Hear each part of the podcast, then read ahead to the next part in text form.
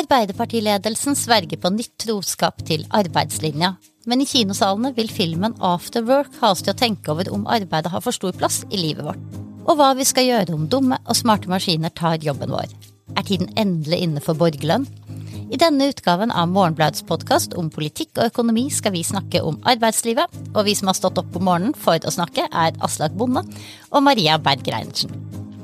Og jeg gjør det veldig lett for meg selv i starten. Jeg spiller bare ballen over til deg, Maria, fordi du har vært med da denne å skrive opptil flere artikler i Morgenbladet denne fredagen om nettopp meningen med å jobbe. Så du får fortelle bare litt om hva dere skriver i avisen først. Ja, jeg har ikke bare skrevet, jeg har jo vært på kino, eller hjemmekino, med en sånn eh, lenke som du får til forhåndsvisning av film, og sett denne filmen After Work av den svenske regissøren Erik Gandini.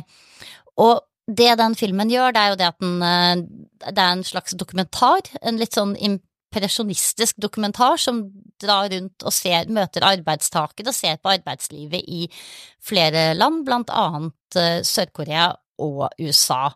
Og, og, så spør den oss hva er det uh, hva, hva er det egentlig dette arbeidslivet betyr for oss? Er det slik at vi bare jobber for å ha nok til det nødvendige, ikke sant. Vi jobber for å leve, ja, greit nok, men mange av oss fortsetter jo å jobbe lenge etter at vi har sikret liksom nødvendighetsgodene våre. Så er det da kanskje et punkt hvor vi nærmest lever for å, å jobbe, og hvor kom disse ideene fra, og eh, hva gjør de med oss som mennesker, hva gjør de med oss som samfunn? Eh, scener fra Sør-Korea, eksempel, hvor arbeidsministeren har startet sånne kampanjer, reklamekampanjer for å få folk til å um, gå hjem fra jobb og bruke litt tid med familien sin, for der, der jobber de så, så lenge. Eh, og, og, det er scener fra, fra Saudi-Arabia, er det vel, hvor man har så høy um, Altså hvor, hvor alle oljeinntektene gjør at folk ikke trenger å jobbe så mye, så da har man laget sånne juksejobber eh, hvor folk får betalt rett og slett for å gå og sitte på, på kontoret. Eh, og, og, dette åpner jo noen, noen, refleksjoner, da, ikke sant. Er dette kanskje fremtiden for oss alle sammen, hvis uh, kunstig intelligens og uh, litt mindre intelligente roboter kan overta arbeidslivet vårt? Og det skal vi komme tilbake til, men vi må jo starte litt, tenker jeg, da, med uh, hvordan det ser ut fra mitt ståsted i politikken, fordi det er jo ganske annerledes her enn det det er i Sør-Korea. Er det én ting som eh, alle majoritetspolitikere har til felles, så er det jo at de vil ha folk til å jobbe mer. Eh, du peker jo i artikkelen til hvordan det i budsjettdokumentene, det er første setning, eh, at målet er å få arbeid til alle. Og, og det som er så utrolig interessant med arbeid, det er at det er en veldig lang historisk linje. ikke sant? Altså Arbeiderbevegelsen bygget seg opp ved å gi arbeid til alle men det var for at folk ikke skulle stå med lua i hånda. Ikke sant? Det var for at de skulle ha noe å leve av. Nå er målet om arbeid til alle egentlig begrunnet på en helt annen måte. Nå er det det som da populært kalles eh, velferdsstatens bærekraft, og det er eh, Målet er hele tiden å få flest mulig til å jobbe, fordi demografien tilsier vi blir relativt sett flere eldre. Det er flere som skal forsørges og færre som skal forsørge oss som etter hvert blir gamle, og da må man få til inkludering, som på en måte er nøkkelordet for både Arbeiderpartiet Arbeiderpartiet og Høyre og alle de andre partiene sånn i det store sentrum. Så det er litt sånn snikete her, fordi en har gått fra at arbeid til alle var et, et gode for individene, som da fikk råd til å, å leve og realisere seg selv på en måte, og, og til at uh, vi jobber ikke for oss selv, men vi jobber for at uh, staten skal ha inntekter sånn at den kan ta vare på oss når vi blir gamle og ikke kan jobbe. Vi jobber for at kurven i perspektivmeldingen skal bli akkurat slik du ønsker det, ikke sant? Ja, men det høres så Et vakkert mål! ja, herregud.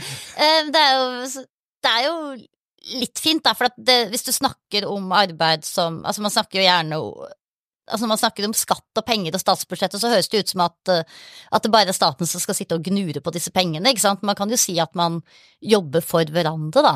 For, for dette handler jo ikke bare om, eh, om penger, skattepenger inn og skattepenger ut. Det handler jo også helt enkelt om at en en trenger arbeidskraft for å ta vare på hverandre, ikke sant. Det viser jo den diskusjonen vi har for eksempel nå om, om sykehuset i, i Nord-Norge, ikke sant. At der er det jo en reell sånn mangel på, eh, på, på folk som kan, kan, fylle de stillingene på, på sykehuset. Så det må jo være en utrolig fint og heroisk mål for arbeidsministeren. Det er jo det. Det er jo derfor det på en måte er upolitisk, det målet. Mm. Alle slutter egentlig opp om det fordi det er så åpenbart riktig.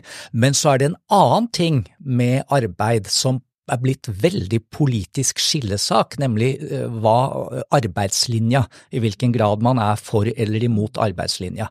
Og det er veldig interessant å se hvordan den nå dukker opp som en, en markørsak som er veldig vanskelig på en måte å gripe, fordi arbeidslinja det dreier seg, sånn som vi forstår det i dag, om at det alltid skal lønne seg å jobbe.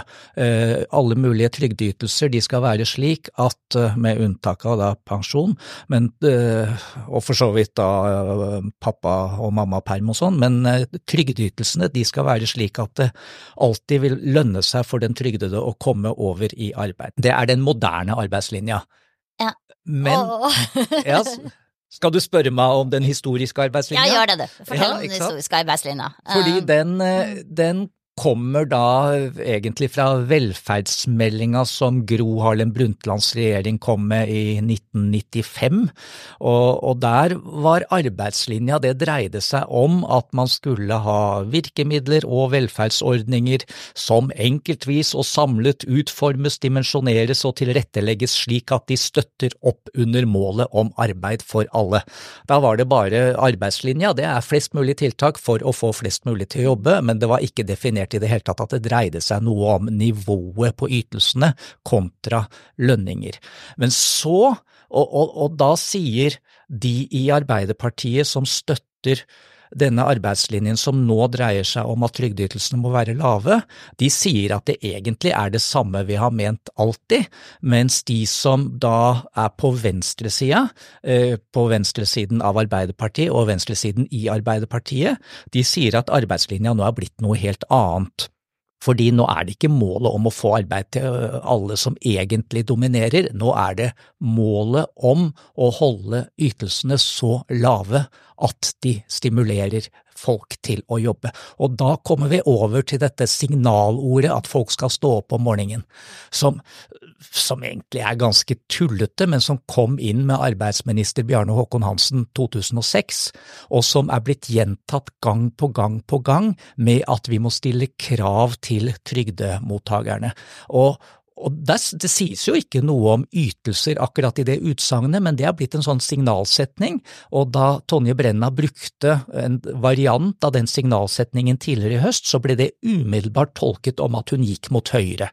Ikke sant? Eh, veldig, veldig interessant, fordi hun kan fint snakke seg bort fra at hun ikke mente noe særlig med det, men det er nå engang sånn i politikken at noen setninger de signaliserer veldig mye mer enn setningen i seg selv. Ja, og, og her er det da spørsmålet om arbeidslinja er blitt slem, rett og slett som, som, står på spill, tenker jeg. Og, og, det var jo også det som var, var diskusjonen frem mot Arbeiderpartiets landsmøte i, eh, i, i vår, der det, var, der det, var, flere som da tok til orde, altså mange partilag, som, som hadde innspill da på hvordan man skulle øke trygder og i det hele tatt gjøre det her livet utafor arbeidslivet litt mer eh, levelig. Og og her er det jeg hørtes veldig ut som Finansdepartementet jeg snakka i sted, ikke sant.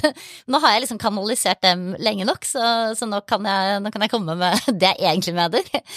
Og, og, det er jo det at jeg for så vidt deler litt den bekymringen, ikke sant, som, som handler om det at uh, i denne arbeidslinja, i å, si det at um, arbeid er så viktig, og det er så viktig at vi jobber for hverandre, ikke sant, hva slags rom levnes det da for de som ikke er en del av det arbeidsmarkedet? Uh, interessant i den sammenhengen her syns jeg er um, Nav-sjefen, um, Hans Christian Holte. Han skrev et essay i Morgenbladet i fjor der han, der, der han, skrev om de liksom 700 000 utenfor arbeidslivet, og så sier han at av, av, dem da så tenker han det er 100 000 som egentlig både kan og vil jobbe hvis de bare kan få tilrettelegging, og de må vi liksom sette alle kluter til for å få inn i arbeidslivet, ikke sant. Men det betyr jo da at selv er Nav-sjefen, da la jo liksom 600 000 personer i arbeidsfør alder, da, mellom om det er 16. og eh, ja, 60, 67, kanskje? kanskje ja. ja.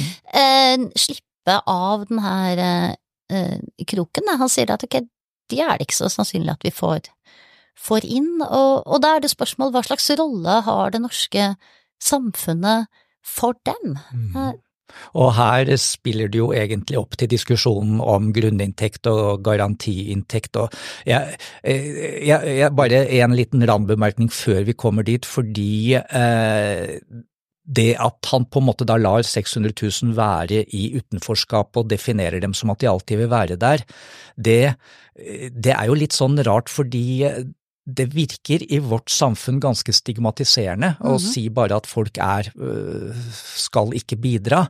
Og da vi snakket om arbeid tidligere i høst i en annen sending, så brukte jeg uttrykket navere. Og da fikk jeg meldinger fra lyttere om at det var sterkt nedsettende. Jeg tenkte ikke på det sånn da, fordi jeg tenkte at det var et tabloid og praktisk uttrykk som alle forsto, men det er jo klart at det kommer fra den tida da avisene skrev om folk som nava, altså verbet å nave, og ungdom som sa at nei, jeg velger å nave i stedet for å jobbe, underforstått at man kunne velge mm. mellom å jobbe eller å ta trygd. Så sier alle de som nå er kritisk til uh, hele retorikken rundt utenforskap og alt dette om, uh, om den nye forståelsen av arbeidslinja, at, uh, at det rett og slett Vet du hva, nå mista jeg tråden. Ja, ja men eh, jeg kan eh, ta opp uh, ja. tråden for deg, for jeg tenker at akkurat denne Nav, Naver-diskusjonen er, er, ganske interessant. Fordi at hva skjer når, når svaret på alle problemer i det norske samfunnet blir at flere skal i jobb, ikke sant? Første setningen i, i statsbudsjettet. Eh, for, for, det mener jeg det kan man ha litt dekning for å, å, si, ikke sant, enten det handler om at, at du skal inkludere flere, eller minke forskjeller, eller uh, ta imot eldrebølgen, så er, er, svaret, eller hva skal vi leve av etter oljen, ikke sant, så er svaret å, å få flere i, i arbeid. Og det gjør kanskje politikken noen ganger litt Altså, to ting tror jeg. Det ene er at det kan legge mye press på de menneskene som ikke er i arbeidslivet, at de på et eller annet vis da liksom er litt sånn mislykka. Litt feilvare, selv om man ikke sier det rett ut, så kan det være underteksten, ikke sant. Men, men det andre er det at det også kan gjøre politikken litt sånn dårlig og fantasiløs. Jeg synes det var et interessant eksempel på nyhetene i dag, hvor NRK kan fortelle at andelen barn som vokser opp i fattige familier, den er ca. doblet siden 2005. Uh, omtrent halvparten av, av, disse barna de har innvandrerbakgrunn, og det pekes da på i, i den uh, artikkelen til NRK, veldig god artikkel, at det skyldes at uh, de, det skyldes både da at de har at det, det er mange barn i, i mange av, de, av, innvandrerfamiliene, de har flere barn enn gjennomsnittet. Uh, og, og, det at de har um, svakere tilknytning til arbeidsmarkedet, som det heter da, ikke sant. Uh, og så blir jo spørsmålet hva gjør man med det? Jo, svaret er selvfølgelig å få flere, fra politikerne i denne saken, å få flere flyktninger, for eksempel, som kommer til Norge nå, da, raskere i arbeid. Uh, og det kan man si. Det, det, det, kan være et svar, ikke sant, men dette er noe vi har forsøkt på kjempelenge med introduksjonsprogram og så videre, og det har bare gått sånn helt middels bra, ikke sant, så den økonom som jeg synes er kjempeinteressant, som heter Charlotte Koren, hun spurte for flere år siden om er det egentlig liksom er det egentlig den beste politikken, da? At den, hun hadde vel et eksempel da på en somalisk seksbarnsmor eller noe sånt, skal kvalifisere så fort hun kan for å komme ut og jobbe som ufaglært i en barnehage, eller burde vi heller fokusere på at hun blir best mulig i stand til å ta vare på de ungene hun har, sånn at de kan få en god start i det norske samfunnet? Nettopp nå fikk du meg heldigvis tilbake på sporet, ja. fordi det er jo nettopp det, ikke sant. At systemet sånn som det er retta i nå, det herjer jo med folk, ikke sant. Mm. Altså det er jo, man jobber og jobber og jobber for å få dem inn i arbeidslivet, og så er det kanskje fornuftigere å gjøre noe helt annet. Eh, og det er jo nettopp det. Og da kommer vi over til det kanskje å, å innføre en borgerlønn, en eller annen grunninntekt som det ikke er knytta betingelser til i det hele tatt. Det har jeg vært en tanke som jeg har vært ganske fascinert av, men jeg har oppfatta det sånn at økonomer i deg, du er ikke så fascinert av den tanken. Men uh, hvorfor er det så Hvorfor er ikke det en vei å gå? Uh, nei, der tror jeg at det, for meg så har det starta litt med at den der arbeidslinja sitter ganske uh, dypt i meg også, da, og den her ideen, ikke sant, om, om gjør din Gjør din rett, få din plikt, var omvendt. Gjør din plikt, få din rett. krev din rett. Og, og at i Norge så har vi jo ganske høye velferdsytelser, ikke sant. Vi tar ganske godt vare på mange som havner utafor arbeidslivet, tross alt sammenlignet med andre, andre land. Og vi eh, og, og, jeg tror kanskje at den viljen da, til å ha et, et, høyt nivå på de ytelsene her, den henger litt sammen med det at man skal være ganske trygg på at, at de som får sykelønn eller de som får uføretrygd videre, at de faktisk virkelig trenger det. Og der er jeg jo litt redd for at en sånn borgerlønn til alle bare hvis man velger å ikke jobbe, da, den, den, kan, den kan, underminere det her, ikke sant. Den kan gjøre at man faktisk får, får mindre vilje til å, å ha et ålreit nivå på de her ytelsene, fordi man opplever det som noe, noe selvvalgt. Men, men, da opererer du jo nettopp med det der begrepet verdig trengende. Mm. Det er bare de verdig trengende som skal få penger, og, og det er jo på en måte det som kanskje er stigmatiserende. Ja. Og jeg leste en artikkel Kalle Mone, økonomiprofessor, har skrevet om hvordan noe av det viktige med en sånn garanti eller grunninntekt eller borgerlønn, det er at den, den er helt frikobla fra kriteriet om verdighet, og så er den også sånn at du skal beholde den en stund hvis du begynner å jobbe litt, sånn at du skal for så vidt tjene på å begynne å jobbe, men det fine med at den ikke er knytta til kriterier, det er jo at du da ikke får avkorting med en gang du tjener noen, noen titusener ekstra på jobb. Og det høres jo bra ut. Ja, det høres bra ut, og egentlig så tenker jeg det at uh, jeg er litt på glid, skjønner du. Uh, fordi at det Kalle Moene også har snakket om sammen med en indisk økonom, det er jo hvordan man kan uh, at vi har ganske mye verdier som produseres i samfunnet i dag, som egentlig ikke helt kan liksom knyttes til arbeidet til enkeltpersoner. ikke sant? Kjempegodt eksempel er jo norske oljeinntektene. ikke sant? De skyldes ikke bare at oljeselskaper og oljearbeidere er flinke til å bore og pumpe, det skyldes også at vi er heldige og har oljen i, i sjøen. Og det, det, er jo det som ligger tilbake for hele denne diskusjonen om grunnrenteskatt og nå, ikke sant, i lakseoppdrett og på vindmølleparker og sånt, at det er noen fellesverdier som utnyttes her. På samme måte så kan man jo se på eh, mye av den teknologien teknologiske utviklingen som gjør noen kjemperike i dag, ikke sant, som et resultat av et, et felles prosjekt, da, hvor vi, hvor vi har investert i, eh, på, på universitetet og investert i forskning. Det er litt sånn tilfeldig noen ganger hvem det er som tjener eh, alle, alle pengene på, på dette. Og da sier han det at jo, men da kan man ha en sånn grunninntekt i samfunnet, da, hvor man um, rett og slett sørger for å ta inn en del av disse pengene, kanskje 10% av BNP, gjennom skatt. 10% av BNP er takk for at samfunnet fungerer godt. Uh, og så deler man det ut igjen til borgerne. Sånn som jeg oppfattet det da, så kan man dele det ut helt flatt, ikke sant, sånn at man også kan dele det ut til, til de som jobber, for så vidt. Uh, og da er det jo Uh, og ikke nødvendigvis istedenfor, da, mer sånn målretta trygdeytelser de, til de som virkelig ikke kan jobbe. Og som sånn omfordelingsredskap så syns jeg det her er, er en kjempeinteressant uh, diskusjon, da. Og det blir kanskje en enda mer interessant diskusjon, ettersom altså du snakket om fortjenesten med teknologisk utvikling, men uh, dette, denne uken her har vi årsdagen for presentasjonen av ChatGPT, ikke sant? Altså, ja. ja, men ja, vi, jeg vet ikke helt, vi får uh, ta den diskusjonen en annen gang. Men, men, uansett, ikke sant, altså det vi ser er jo at den kan føre til en, en, helt uvant produktivitetsutvikling. Den kan gjøre folk arbeidsløse hvis den har noe av det potensialet veldig mange snakker om nå. Og den kan skape enorme verdier ved hjelp av lite menneskelig innsats.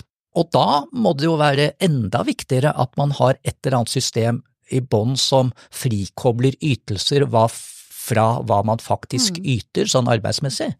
Jo, og, og der, der jeg også har Hvis du skal tenke litt sånn filosofisk på det her med med hvilke ytelser som er koblet til arbeidslivet ditt, da, så er jo ikke det helt sånn Det er jo ikke helt statisk, det heller, ikke sant? I USA så er helseforsikring og altså rett til helsehjelp i stor grad koblet til om du er i jobb eller ikke. Eh, på Svalbard så er det sånn at du får ikke bo der hvis du ikke jobber. Eh, hvis du tenker på gamle sånn norske bedrift, store hjørnesteinsbedrifter, ikke sant, så hadde du jo de arbeiderboliger og tjenesteboliger til de ansatte. De hadde firmahytter, de hadde vært helt sånn Det, å være i jobb ga utløst en masse sånne rettigheter eller ikke-rettigheter, da. Og så er det jo ikke sånn at folk slutta å jobbe i Elkem da de solgte firmahyttene sine, ikke sant? Eh, så, så, så akkurat liksom hvilke, hvilke rettigheter som er knytta til arbeid, det er jo også en sånn avhengig av både tid og sted og hvilke politiske valg en egentlig tar, og det at en da skulle sagt det for eksempel at en del av de kontantoverføringene vi får, som takk for at vi jobber i et samfunn som er i stand til å produsere store verdier, de fører vi tilbake via en sånn garantiinntekt, da, istedenfor at det bare er opp til den der kampen mellom arbeid og kapital på den enkelte arbeidsplass. Det, det syns ikke jeg lyder så øh, så umulig å, å tenke seg. Men du, du begynte jo med 90-tallet, ikke sant, og da må jeg få lov til å ta en tur til mitt favorittall, da, 30-tallet, eh, før, vi, før vi gir oss eh, litt her, for vi snakket om dette med hele folket i arbeid. Eh, det jeg syns er interessant da, det er jo at det var jo et slagord som Arbeiderpartiet hadde jo et annet slagord på den tida også, og det var jo eneinntektsfamilien. Ikke sant? Så hele folket, det var jo egentlig alle menn, da, og så skulle de ha, ha en lønn som var sånn at uh, konene deres kunne være hjemme og gjøre det andre arbeidet, husarbeidet det tenker jeg er et par sånne ting som også forsvinner litt i denne arbeidslinja, da, for, for alle oss som er i jobb. Det er jo det at det skjer masse viktige ting utenfor arbeidslivet. En ting er det husarbeidet vi gjør, og det arbeidet vi kanskje gjør med å ta vare på eldre slektninger sånn at de ikke trenger hjelp fra helsevesenet, ikke minst det arbeidet eldre slektninger gjør til å ta vare på unger, sånn at når de ikke kan være i barnehagen, men uh, også denne liksom rollen vi har som borgere, ikke sant? Delta i politiske partier, øh, aksjonsgrupper, gå og høre på hverandre når vi har utgitt en bok. Eh, den forsvinner litt i arbeidslinja, syns jeg. Nettopp, og dette skriver du om i denne ukens avis, og, og, og, det, jeg tolker jo deg da som at det er enda et argument ja, for sånn grunninntekt, altså for å frikoble, eh, frikoble inntekten man får fra staten, fordi eh, du har jo et kjempepoeng i at eh, når du møter folk ute, så spør de veldig ofte ja, hva driver du med, og underforstått det er hvilken jobb har du, og, og det i seg selv bidrar jo til å klassifisere folk. Eh, så hvis man da eh, kan si med stolthet at jeg lever på garantiinntekt, fordi vel, nesten alle, absolutt alle, gjør det, så vil det da kanskje gjøre at hele det å, ikke være i jobb er eh, mindre eh, stigmatiserende. Og så, er det, altså jeg tror jo også at det som skjer med AI, som jeg tror jeg har større tro på enn deg, det er at det fører jo til frykt for arbeidsplassene, ikke sant. Altså det fører jo til en frykt for teknologisk arbeidsløshet. Og i Norge har vi tradisjon for at fagbevegelsen og andre, det er ikke maskinstormere, de godtar den teknologiske utviklingen, og så regner de med at eh, det historiske faktum om at teknologiske revolusjoner fører til at noen arbeidsplasser forsvinner, men det kommer enda flere nye i stedet for de gamle. De regner med at det vil skje nå også, men det vet vi jo ingenting om. Altså, det kan jo hende at teknologien nå avskaffer langt flere arbeidsplasser enn den skaper.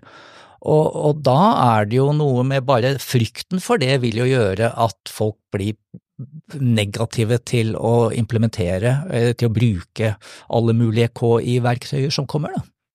Ja, eh, altså jeg, jeg, jeg, jeg, deler jo den, samtidig som jeg tenker at den frykten for teknologisk arbeidsledighet har vært med oss i hvert fall siden 1930-tallet, og kanskje egentlig helt siden starten av den industrielle revolusjon. Da, siden det, Spinning Jenny. Ja, ikke sant, ja. så har det oppstått nye eh, Så jeg er nok mer opptatt egentlig av fordelingen av gevinstene av, av dyreteknologisk utvikling enn, enn liksom at det ikke skal finnes uh, arbeid på et eller annet vis, men uh, men, men, men, det jeg tenker, da, at en sånn film som After Work for eksempel kanskje sporer oss litt til, det er jo å, å tenke at ja, ok, si vi har en produktivitetsgevinst, da vi kan gjøre ting raskere i Morgenbladet, vi kan gjøre ting raskere på sykehusene, ikke sant, skal vi da svare på det være at vi enten hiver ut noen folk så de mister jobben helt, eller at vi fyller på med nye arbeidsoppgaver, eller skal vi ta ut mer av det her i fritid, ikke sant, vi har jo allerede liksom jevnt og trutt eh, gjennom 1900-tallet i Norge tatt ut ganske mye av den velstandsveksten vi har i fritid, ikke sant, og det er jo en,